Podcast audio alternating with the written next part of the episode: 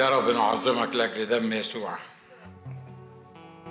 الذي به نغلب العالم. لأنه مكتوب وهم غلبوه بدم الخروف وبكلمة شهادتهم. ولم يحبوا حياتهم حتى الموت. أشكرك لأجل سفكك دمك لأجلنا. الذي يطهرنا من كل خطية. لأنه مكتوب أن دم يسوع المسيح ابنه يطهرنا من كل خطية. أشكرك. أشكرك أشكرك. لأجل هذا الستر لأجل هذا الغطاء الغطاء الذي بردت علينا في زمان الحب غسلتنا وجعلتنا نصلح للمملكة. أشكرك لأجل أقمصة الجلد لأنك أنت اللي عملتها مش إحنا اللي عملناها. أشكرك لأن مفيش حاجة تقدر تتسلل لينا وإحنا متغطيين في دم يسوع. ليك المجد والكرامة في وسطنا. ليك العظمة والسلطان في وسطنا. وحدك يا ملك الملوك ورب الأرباب. ليك المجد سيد. آمين. مجدا للرب. مبارك اسم الرب إلى الأبد. إحنا بنتكلم عن تحديات وواجبات البقية التقية وقلنا حاجة مهمة جدا هي فهم أنواع الأرواح الشريره اللي بتواجهنا وكيفية الانتصار عليها. واتكلمنا عن روح الفشل. واتكلمنا عن المجالات بتاعه روح الفشل اللي بيحاول إبليس يفشلنا فيها. مجال الفشل في الخدمة وده في علاقتنا بيننا وبين الرب. مجال الفشل في مواجهة الجسد بيننا وبين نفوسنا إن إحنا خلاص كبرنا وعجزنا ومش هينفع وما نقدرش وما عندناش وقت وما عندناش إمكانية وكل الكلام ده إحنا مش هنعيده تاني. يعني ده موجود متسجل تقدر تراجعه بس أنا براجع معاك عشان لما نبتدي النقطة الجديدة تبقى معانا في الصورة. وقلنا إن في واحدة من المجالات الفشل في عمل الخير والرسول هنا بيقول فلا نفشل في عمل الخير لاننا سنحصد في وقته. إن كنا لا نكل وقلنا إنك وأنت بتعمل الخير بتعمله بإرشاد الله وبتعمله لأجل الرب يسوع المسيح.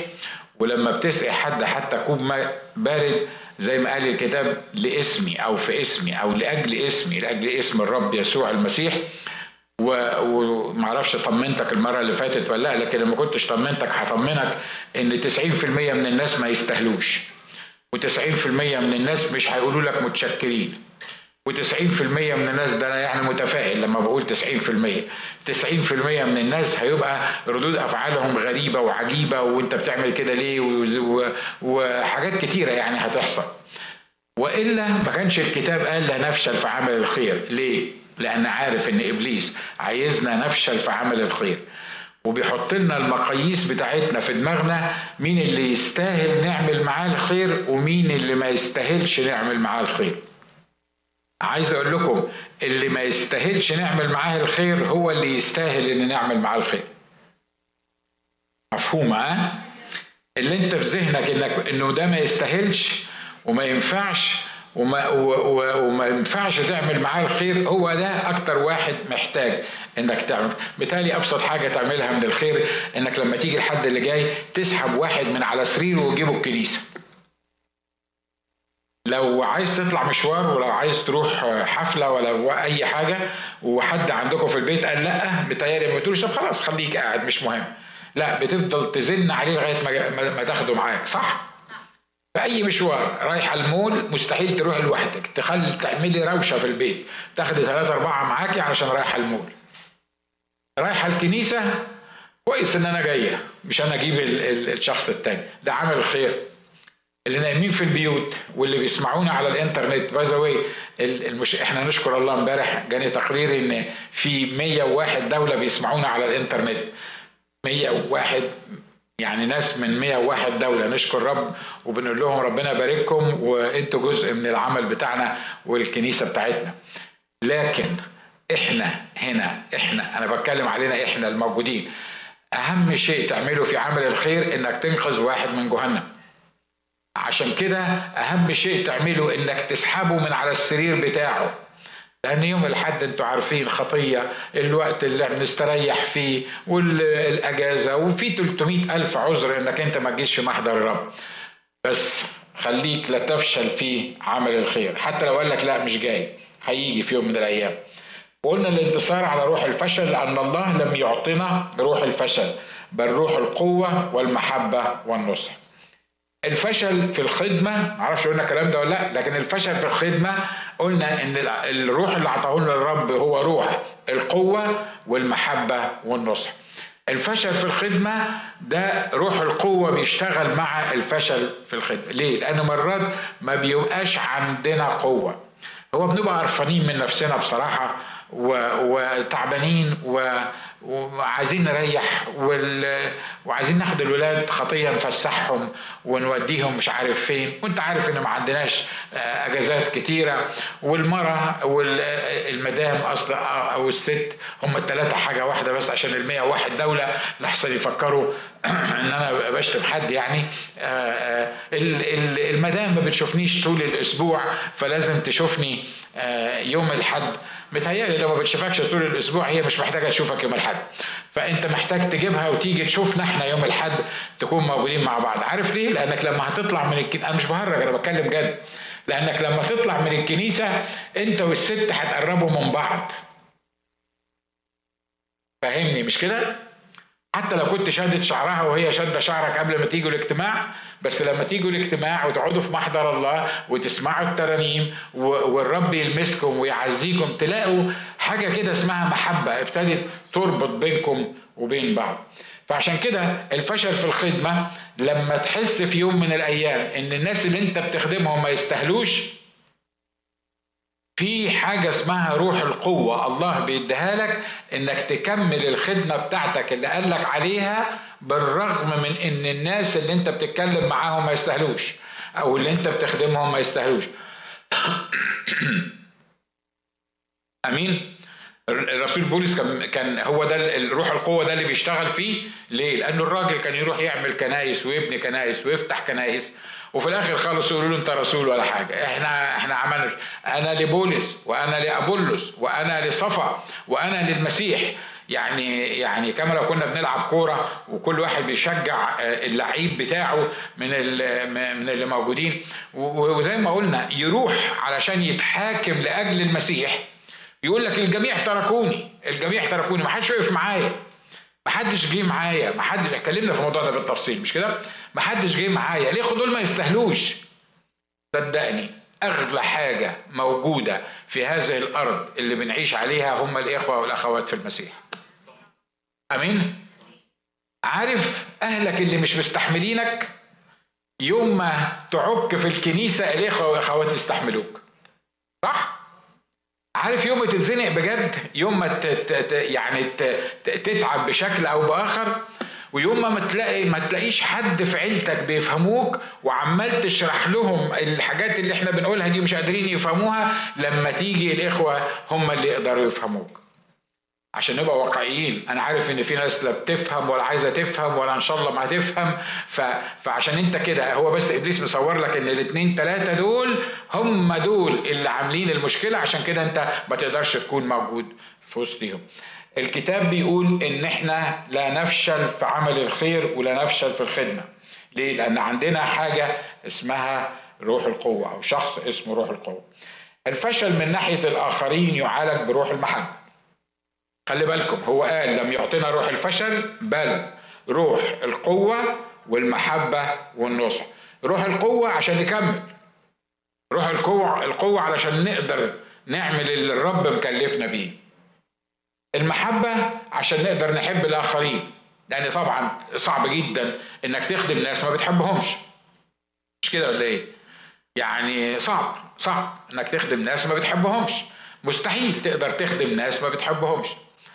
طب اهو الواحد يحبهم ويشرب ليمونة مثلا ولا بتاع حامض زي ما أنتم بتقولوا وهو كلنا يعني نشرب ون وكلنا عايشين. لا لا أنا ما بكلمش عن كده أنا ما بكلمش عن واحد بيخدم وهو قرفان من الناس اللي بيخدمهم. أنا بتكلم عن واحد بيخدم لأنه بيحب الناس اللي بيخدمهم سواء كانوا حلوين سواء كانوا وحشين سواء كانوا يستاهلوا ما كانوا ما يستاهلوش دي دي يعني ملهاش علاقة بالموضوع. تحصل إزاي الحكاية دي؟ نقول له رب ملاني محبة. تلاقي نفسك تحب اللي ما بتحبوش. في ناس ما بتحبوش؟ ما يتحبوش؟ طبعا كتير أكتر من اللي يتحبوا صدقني. لكن طب طب يحب نحبهم إزاي دول؟ يعني نضحي عشانهم إزاي دول؟ نعمل إيه علشانهم دول؟ في منتهى البساطة روح المحبة يخليك تعالج الناس ديا وتقرب منها. أنا عارف إن أنت عمال تعالج تعالج تعالج وعمال تصحح وتقول وتعمل وتسوي لغاية ما تعبت. من غير ما ترفع إيدك. أنا متأكد إن في كتير من اللي قاعدين قدامي بيوصلوا للنقطة دي تقول لي أنا أعمل إيه؟ عمال وعمال وعمال وعمال وتعبت. ويل الأول تتملي بروح القوة علشان يخليك تكمل وبعدين تتملي بروح المحبة عشان يخليك تحبهم. آمين. الحاجة الثالثه الفشل من ناحية نفسي يعالج بروح بروح النصح. يعني في فشل من ناحية الآخرين بيتعالج بناحية محبة فشل من ناحية الخدمة بيتعالج بروح القوة فشل من ناحية نفسي وما أكثره. إن الناس بتخش في حالة من الفشل من نفسها. حد جرب الحكاية دي عارف؟ يفضل يضغط عليك يضغط عليك يضغط عليك لغاية ما تلاقي نفسك لا ليك نفس تروح ولا ليك نفس تيجي ولا ليك نفس ترنم ولا ليك نفس تسمع ولا ولا ليك نفس تشوف القسيس ده وأنا اللي بيقول بس كلام على المنبر وهو عايش باين عليه في عالم تاني غير العالم اللي إحنا عايشين فيه ولا ليك نفس تعمل حاجة وتلاقي نفسك مهدود كده وكل ما يسالوك على حاجة تقول ما يفرقش في ناس عندها ما يفرقش دي يعني ما, ما يعملش فرق. أي حاجة في الدنيا ما تعملش فرق. مظبوط اللي أنا بقوله ده. ها؟ مش كده؟ وبعدين تحس إنك نفسك مسدودة وأنت داخل وانت طب كم واحد بأمانة كده جرب الحالة اللي أنا بقولها دي؟ أنا على فكرة رافع إيدي معاكم يعني. آه، حتى لو برضه حتى لو ما فكتيش إيدك ما رفعتيش أنا عارف إن أنت جربتيها وما جربتهاش. مش حصل لي إن ربنا يخليك تجربيها علشان تعرفي اللي إحنا بنتكلم عنه. الفشل الفشل النفسي ده. على فكرة إبليس لما بيحب يفشلني يفشلني الأول أنا عشان يقدر يفشلني في علاقتي بالآخرين وبعدين يقدر يفشلني في الخدمه والفشل ده نوبات. بتيجي كده مرات يعني تحس إنك قاعد في حالك كده وفكرة بس تترمي في دماغك. فكرة تترمي في دماغك. واحد يقول لك فكرة سلبية. طلعت في دماغك إن في حاجة معينة بتحاول تصلحها ومش متصلحة. آه، أي حاجة بسيطة كده يرميها إبليس في دماغك تلاقي نفسك كل الحماس بتاعك كل ال ال ال القوة اللي كانت عندك كل المحبة للناس اللي هم ما يستهلوش إن هم يتحبوا كلها كأن بالونة كبيرة كده وفرقعت. وعايز أقول لك لما توصل للمرحلة دي من الفشل لنفسك لا هتعرف تشتغل في شغلك العادي ولا هتعرف تتعامل مع اخواتك في البيت ولا في الكنيسة ولا هتعرف تتعامل مع نفسك. اللي سمعني فيكم في المؤتمر ده في المؤتمر اللي أنا كنت فيه كنت بتكلم على النقطة دي بالذات. في يوم من الأيام أنا يمكن قلت لكم الكلام ده قبل كده اعتبرت نفسي فاشل. فاشل. ليه؟ لاني من ساعة ما كنت قد كده وأنا فاهم ان أنا هبقى دكتور بشري. وعشت في الدور وصدقت نفسي. وفي الثانوية العامة رفضت آخد دروس خصوصية. ليه؟ كنت بعتبر الدروس الخصوصية دي للمتخلفين والفشلة اللي ما يعرفوش يعني يجمعوا بدماغهم لكن أنا دماغي 100% يعني وجيت في السنة اللي المفروض أقدم فيها علشان عشان أنا متأكد إن أنا هجيب مجموع كبير وهخش الطب البشري. في آه، امتحان حساب المثلثات. مش عارف أنتوا عندكم الهندسه الفراغيه وحساب مثلثات مش كده برضه نفس القصة. كان في مسألة في الهندسة الفراغية.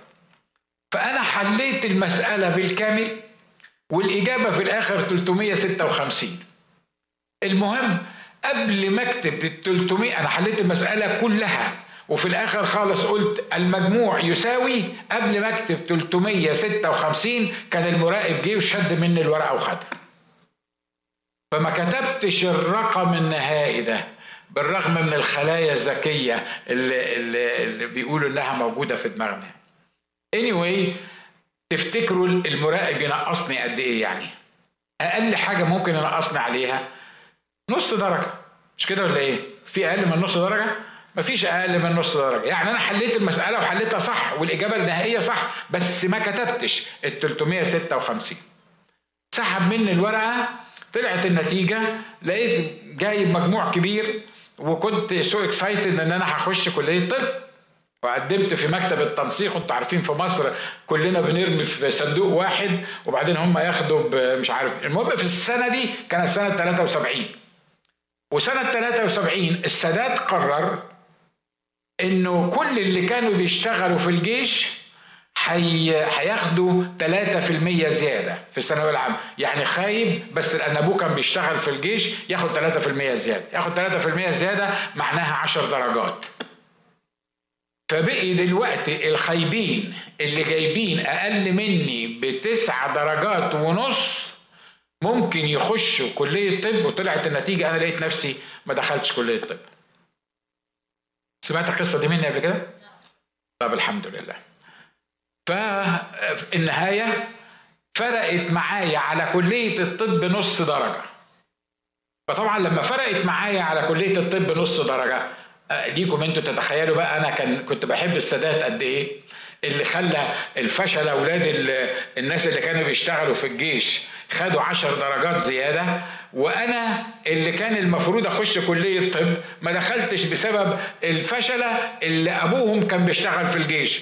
طب ما أنا أبويا كان بيشتغل في السكة الحديد وكان بينظم الشغل بتاع القطارات اللي هي جاية جايبة الأسلحة ورايحة يبقى بيشتغل في الجيش ولا ما بيشتغلش في الجيش؟ لكن لأنه مش لابس ميري يبقى خلاص ما بيشتغلش في الجيش. ولأنه ما بيشتغلش في الجيش يبقى ابنه ما ياخدش العشر درجات الزيادة. العشر درجات دول ياخدوهم. اللي مش قادرين يخشوا كلية الطب من ولاد الناس اللي كانوا في الجيش عشان يحيلهم وما يعملوش عليه ثورة فكانت النتيجة إن اللي جابوا أقل مني بعشر درجات دخلوا كلية طب. وأنا فرقت معايا نص درجة. والنص درجة دي فرقت ليه؟ لأني حليت المسألة وما كتبتش 356 طبعا بدماغ واحد عنده 18 سنة وبيقولوا إن هو مؤمن وإن الله متسلط في مملكة الناس. وإن كل الكلام اللي بتاع اللي إحنا بنقوله ده على المنبر اللي يبدو في مرات كتيرة إن هو شعر اشواق لجميل الصوت يحسن العزف لناس ما بتسمعش وأطرش بيرنم بيغني الطرش وخلاص وإحنا بنعمل الاجتماعات وخلصت العملية على كده. 18 سنة فأنا قاعد كل اللي بقوله بقوله للرب بقول له أنت مش متسلط في مملكة الناس؟ طيب يعني فرقت معاك literally 2 seconds إن أنا أكتب ال 356 طب لما سحب مني الورقة وما كتبتش ال 356 ما قدرتش تخلي أي واحد من اللي بيعلموا لي الامتحان كله يزود نص درجة؟ متهيألي بيقول عليك متسلط في مملكة الناس. على فكرة مش بحكي حكاية. طبق اللي أنت بتفكر فيه في الحكاية اللي أنت إبليس بيحاول يعقدك منها على اللي أنا بقوله ده. بس أنا ساعتها بحكي لك اللي أنا كنت عايش فيه. وبعدين يعني عملت كل ده. هو 73 يعني نصر اكتوبر هو اللي يدمر حياتي. ما يخلينيش إن أنا أخش في كلية الطب واعتبرت نفسي فاشل. مع إن عملوا لي حفلة في السكة الحديد كمتفوق وعطوني مش عارف آه، فلوس شكلها إيه. والحكومة لاني جايب أكتر من مش عارف 85% كانوا بيدوني مش عارف 13 جنيه في الشهر. يعني يعني كل اللي حواليا بيقولوا إن أنت أنت ناجح في الصفوف الأولانية. هي كل القصة كل القصة نص درجة. نص درجة. يا ترى في نص درجة في حياتك كده محسساك إنك فاشل؟ يعني خدت كل حاجة بس في حاجة صغيرة قوي في حاجة صغيرة كده. لا أنا مش بتكلم على إنك فاشل بس ب 10 درجات. لا أنا بتكلم على إنك فاشل بنص درجة يعني حاجة بسيطة كده ومفهماك إنك فاشل. الكلام اللي أنا بقوله ده صدقوني لما كنت في سني وكنت بفكر فيه أنا اعتبرت نفسي فاشل والفاشل ده يعمل إيه؟ يعمل أي حاجة في أي حاجة في الدنيا. سيبك من الاجتماعات وسيبك من ربنا وسيبك من من الكلام اللي إحنا بنقوله. وواضح إن الكلام ده كلام مش مش مش مظبوط. 18 سنة ولسه كنت متجدد بقالي سنة وشوية فيعني ما عنديش خبرة في, في أي خبرة. أحسن حاجة نعملها هي إيه؟ أحسن حاجة نعملها نسيب مصر. ونروح بلد أجنبي وهم هناك بيحترموا الناس وعملت البدع مع إن أنا واحد من الناس اللي كنتش أحب أسيب مصر. عملت البدع إن أنا أسيب مصر. وكل ما أعمل حاجة أنتوا زهقانين ولا عايزين تسمعوا بقى القصة قررت لاني إيه؟ قررت لاني فاشل أسيب مصر. فعملت إيه بقى؟ كانوا بيطلعوا آه بتاع ده باسبورات للطلبة في الثلاث شهور بتوع الأجازة. فأنا جاتني فكرة بقى قلت آه أنا اطلع باسبور طلبة وأروح لندن والجدع يرجعني من هناك. ما أنا فاشل بقى وخلاص وأنا لا, لا رضيت بصيدلة ولا طب أسنان ولا حاجة خالص. يعني أنا يعني هي كده. عملت المستحيل علشان آخد الفيزا بتاعت لندن. كان عندي مكان ابيت فيه هناك وكان عندي واحد من المرسلين عنده مصنع هيشغلني. وخدت ميعاد قريب جدا من ال... كان الطلبة بيقعدوا مثلا شهرين عشان يقدروا يروحوا ياخدوا فيزا. في واحد كان واخد ميعاد من شهرين وكان فاضل له خمس أيام. والرقم بتاعه قال لي خد لو انت عايز تسافر خد لأن أنا مش مسافر. بقي بدل ما هستنى شهرين هستنى خمس أيام. يا سلام دي ماشية معايا. يعني عارف دي الحاجة الوحيدة اللي أنا مش فاشل فيها دلوقتي إن أنا بشتغل في الحكاية دي. طلعت عشان أعمل الباسبور. واحد قابلني على السلم باسبور طلبة. واحد قابلني على السلم بيقول لي إزيك يا ناجي؟ أخبارك إيه؟ قلت له هقول لك أخباري بس يعني هخلص الورقة اللي في إيدي وهرجع لك. دخلت المكان اللي بيعملوا فيه الباسبورات لقيت الراجل اللي بياخد الأوراق كان في واحد قدامي خد منه الورق وخلاص بيمضيه وأنا التاني. حطيت يعني كنا كنت أنا بس ساعتها. حطيت الورق على المكتب بتاعه وبعدين التليفون رن. التليفون بتاعه رن.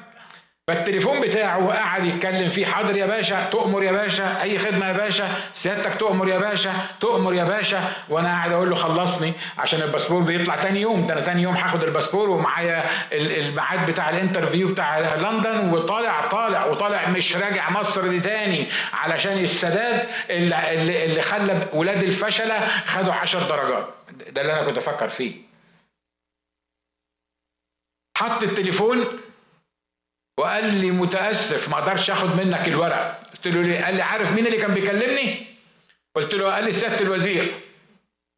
قلت له سيادة الوزير قال إيه؟ قال سيادة الوزير قال ما تقبلش باسبورات تاني من أي حد. فأنا واقف قلت له بص كده حواليك هو في حد غيري؟ دي حاجة. الحاجة التانية مش أنا واقف قبل تليفون سيادة الوزير؟ يعني أنا واقف في الطابور قبل تليفون سيادة الوزير أنت رديت على التليفون وأنا الوحيد اللي واقف. يعني لو في مجموعة كبيرة كنت هعمل لك مشكلة لكن أنا الوحيد اللي واقف. أقفل لك الباب وخلص لي الورق اعمل معروف. قال لي على رقبتي. يبقى أنا إيه؟ فاشل. مش كده؟ أنا طالع فاشل وبقدم علشان أغير حالة الفشل اللي أنا موجود فيها.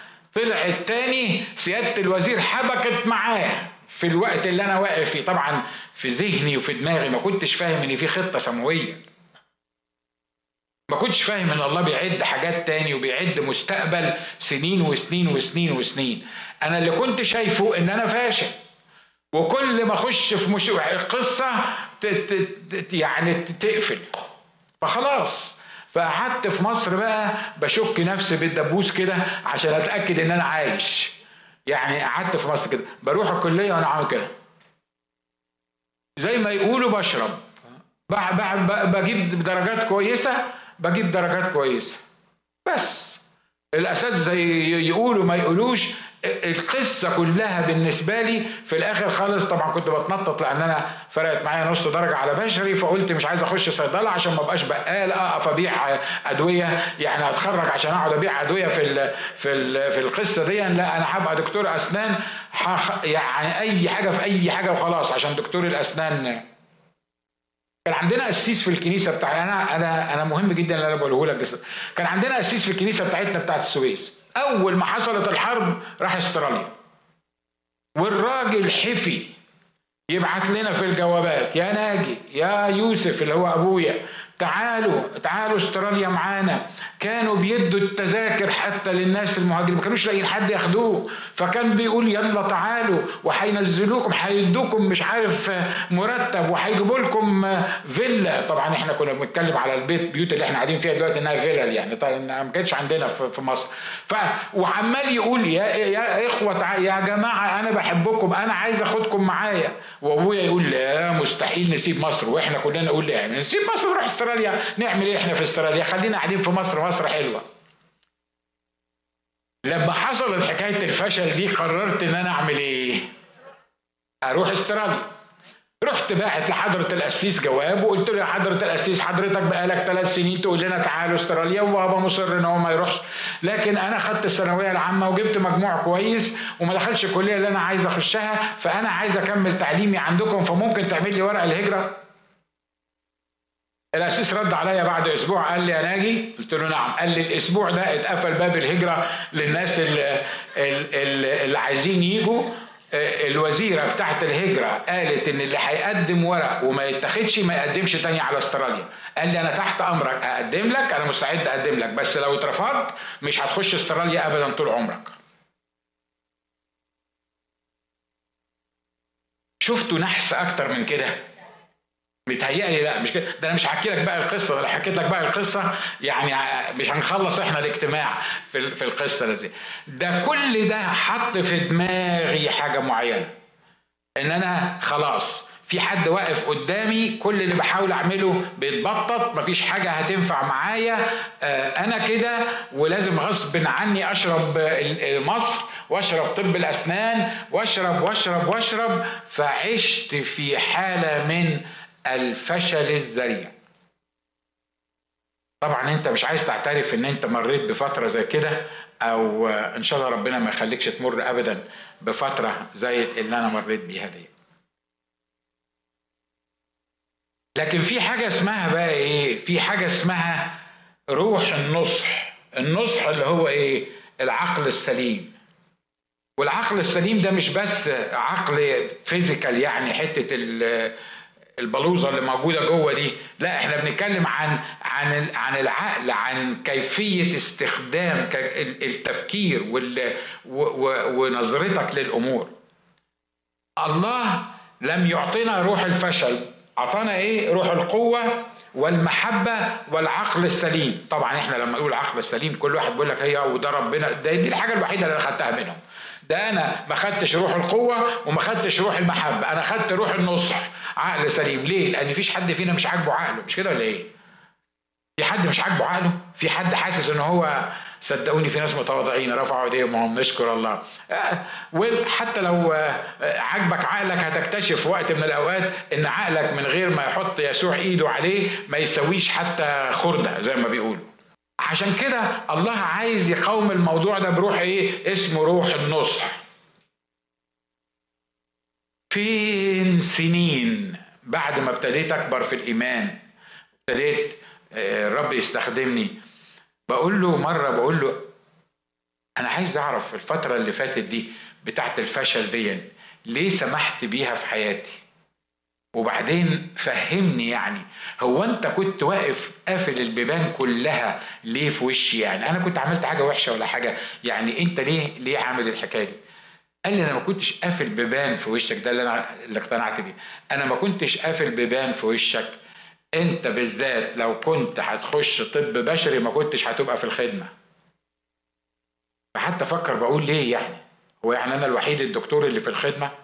قال لي خلي بالك إنك لو دخلت بشري أنت بالذات ما بتكتفيش عند مستوى معين لا من التعليم ولا من المدوحة زي ما بيقولوا. فما كنتش هينفع ما كانش هينفع أستخدمك وأنت دكتور بشري في نفس الأمور اللي أنا استخدمتك فيها دلوقتي ليه؟ لأن ما كانش هيبقى عندك وقت.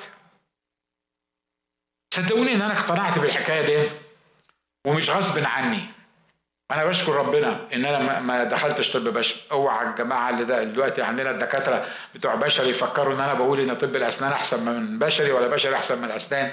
أنا بتكلم عن خطة الله. لما يدي لك عقل سليم تعرف إنه حتى لو عايزك تشتغل مش دكتور أسنان ولا دكتور بشري حتى لو عايزك تشتغل في gas station حتى لو عايزك تشتغل في أي حاجة دلوقتي بالعقل السليم اللي يديهولك الله تقدر تحط خطة قدامك بالروح القدس وأي شغلانة أنت موجود فيها تقدر تشكر عليها الرب.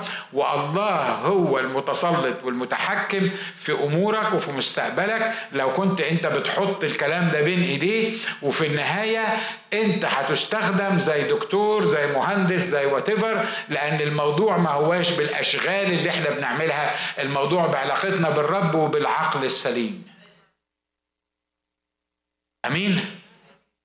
بيتهيألي دي طلبة إحنا كلنا محتاجينها يا رب اديني روح النصح ده يا رب اديني روح العقل السليم ده يا رب مرات كتيرة أنا بقول عن نفسي أنا بتكلم عن نفسي صدقوني مرات قاعد أصلي كده بقول هو أنا بستغبى كده ليه؟ في حد يقول كده في حد يعمل كده في حد يتصرف بالطريقة دي هو أنا بستغبى كده ليه؟ في حد فيكم بيستغبى في وقت من الأوقات؟ متهيألي كلنا مش كده؟ حتى برضه لو رفعتوش إيديكم مفيش مشكلة. لكن لكن في في بشكل أو بآخر مرات إحنا اعتمدنا على دماغنا وعلى عقلنا عشان كده دايما الناس بيزعلوا مني لما أقول إن الله ما عطاناش عقل عشان نفكر بيه.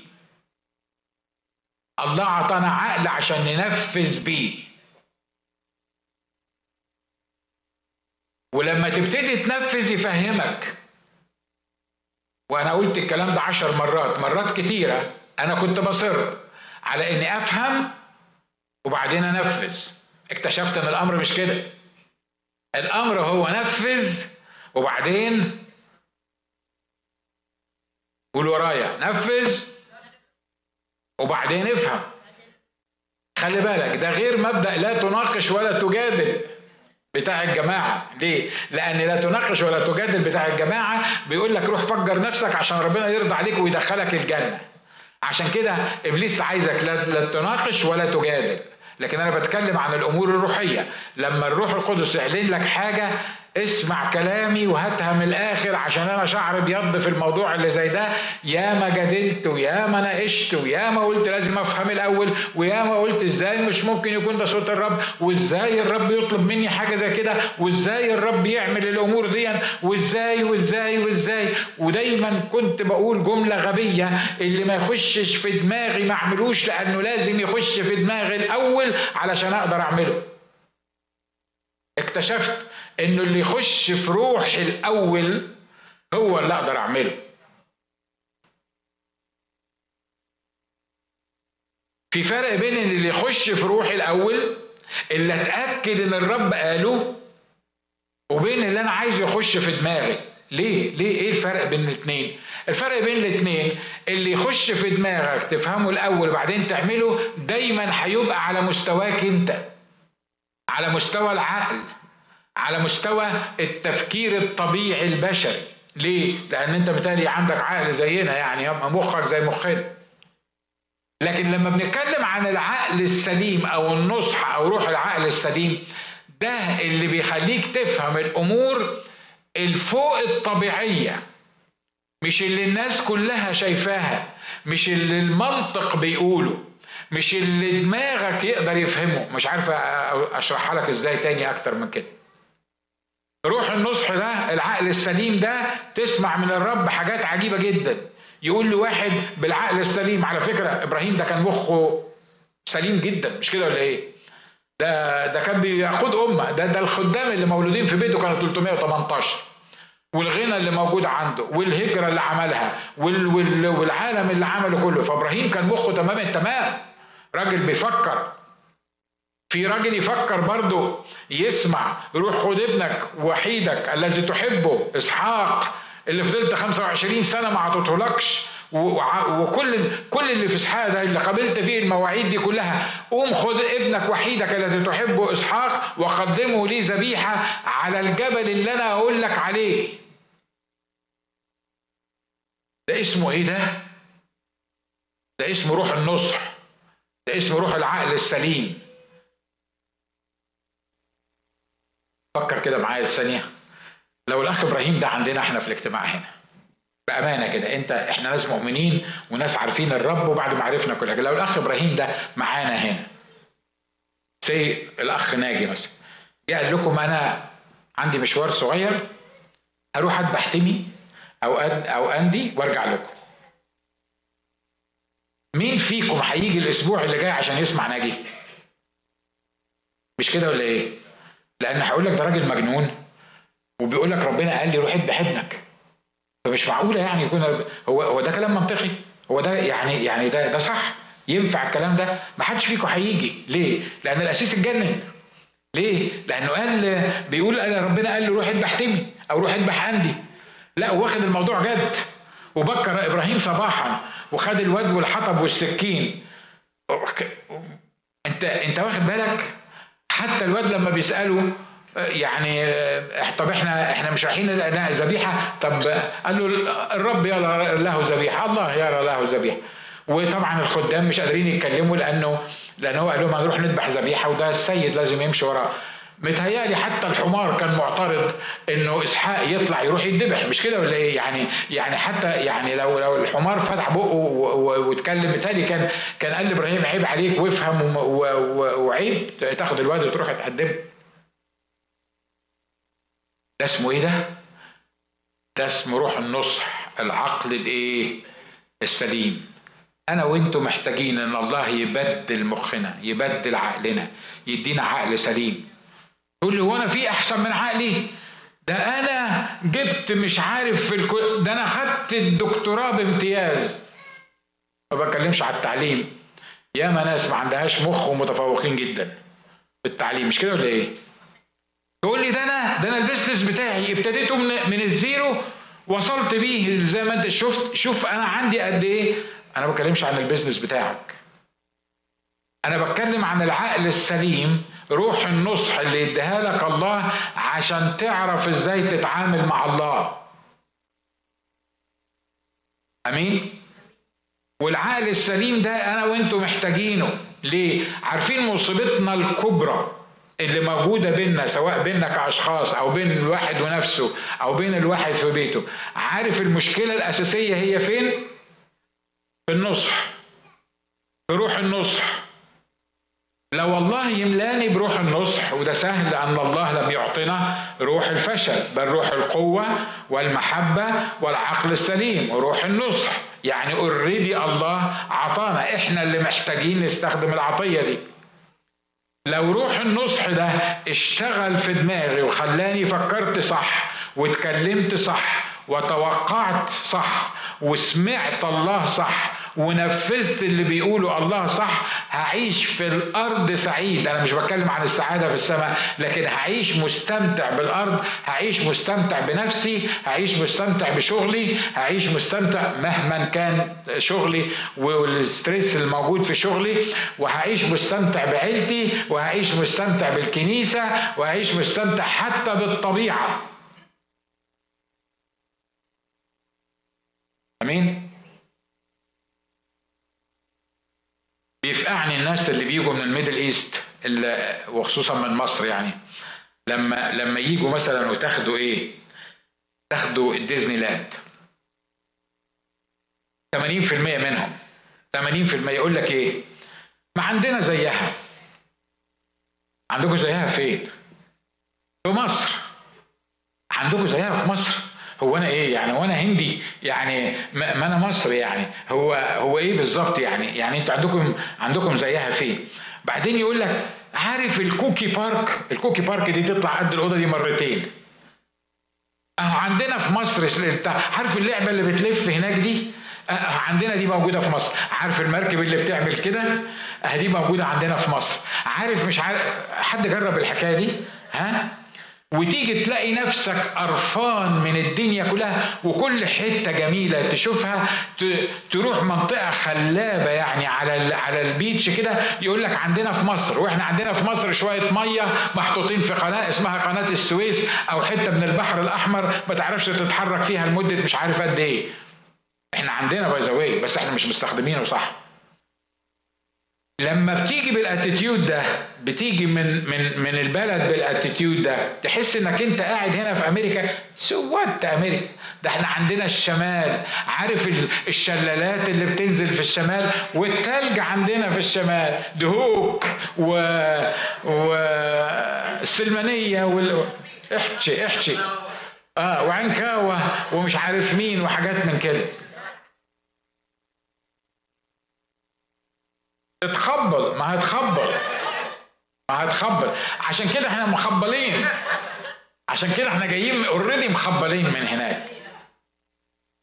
أنا بتكلم كلام جد لأن الكلام ده هيذاع التلفزيون خلي بالكم. عارف المشكلة الأساسية هي إيه؟ عارف المشكلة الأساسية إيه؟ إن أنا بفكر على قد دماغي. بفكر على قد عقلي. وبفكر على قد العواطف بتاعت اللي أنا مرتبط بيها. عشان كده معظم الناس اللي بتفكر بالطريقة دي ما بتعرفش تعيش. ما بتعرفش تعيش في أمريكا. ما بتعرفش تكيف أمورها في البلد اللي هي قاعدة فيه. ليه؟ لأن محتاجين العقل السليم. إحنا محتاجين العقل السليم عشان نقدر نفهم حتى كتاب مقدس. مش كده ولا إيه؟ عشان نقدر نفهم الكتاب المقدس إحنا محتاجين العقل السليم. لأن كل المجانين اللي بيعملوا الحاجات العجيبة جدا. عمرك شفت واحد مجنون بيقول إن أنا مجنون؟ محدش ابدا يقول أنا مجنون. ليه؟ دماغه كده هو مطرشق يعني دماغه كده. فما ما يقولش ان هو مش عارف هو ان هو ان هو مجنون. مرة أخيرة أنا مش بهزر على المنبر لكن أنا بقول لك أنا وأنتم محتاجين إن الله يفعل في حياتنا ونطلب في حياتنا إنه يدينا روح القوة والمحبة والنصح. روح القوة علشان ما اخرش في الطريق عشان ما اتعبش في, في الخدمة علشان ما اتعبش في علاقتي من الآخرين. روح المحبة عشان أحب اللي ما بتحبوش لأن في ناس ما بتتحبش وأنا محتاج أحبهم لأن الله عايزني أحبهم لأن اللي ما, اللي ما بيحبش يبقى ما عرفش الله. وأنا محتاج العقل السليم عشان أدبر أموري أنا عشان أدبر أموري في بيتي عشان أدبر أمور الكنيسة عشان أدبر أمور الأمور كلها اللي إحنا بنشتغلها. لو صلينا الصلاة دي حقيقي وسيب نفسك للرب يدربك عليها. واحدة واحدة إزاي تحصل في حياتك؟ هيحصل نقلة رائعة جدا في حياتك والرب هيتدخل بطريقة عظيمة جدا ومشاكلك اللي مش عارف تحلها بقالك زمان هتلاقيها اتحلت بالعقل السليم اللي الله عطوه والصراعات اللي انت ماشي فيها اللي مش عارف تتغلب عليها من زمان هتلاقي نفسك بتتغلب عليها لأن هيديك روح القوة والمحبة والنصح. تعالوا نقف مع بعض. وقول يا رب أنا محتاج الكلام ده. أنا محتاج العقل السليم. يا رب أنا محتاج الروح دي. روح العقل السليم. روح النصح. يا رب أنا محتاج يا رب آه، أعرف إزاي الانتصار على الفشل. يا رب أنا بعلم في محضرك إني مش فاشل لأني ابنك. ولأنك لم تعطيني روح الفشل. يا رب حتى لو حصلت في حياتي أمور اقتنعت معاها إني فاشل لكن أشكرك لأن دي خطة من عندك. لأنك أنت اللي بتقودني في خطة حياتي. حتى لو ما كنتش فاهم يا رب اللي بيحصل معايا أنا بشكرك النهارده وأنا برفض روح الفشل.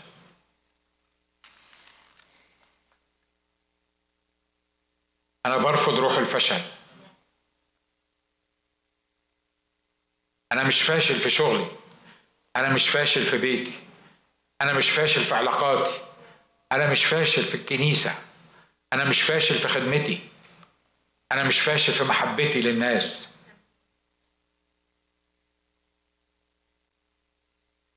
لكن أنا واخد منك روح القوة والمحبة والنصح.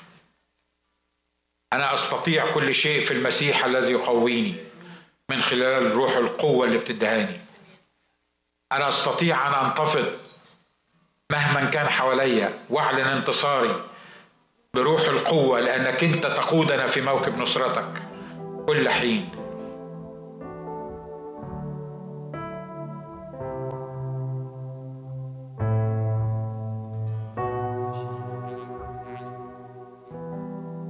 المس عقلي النهارده المس روحي النهارده.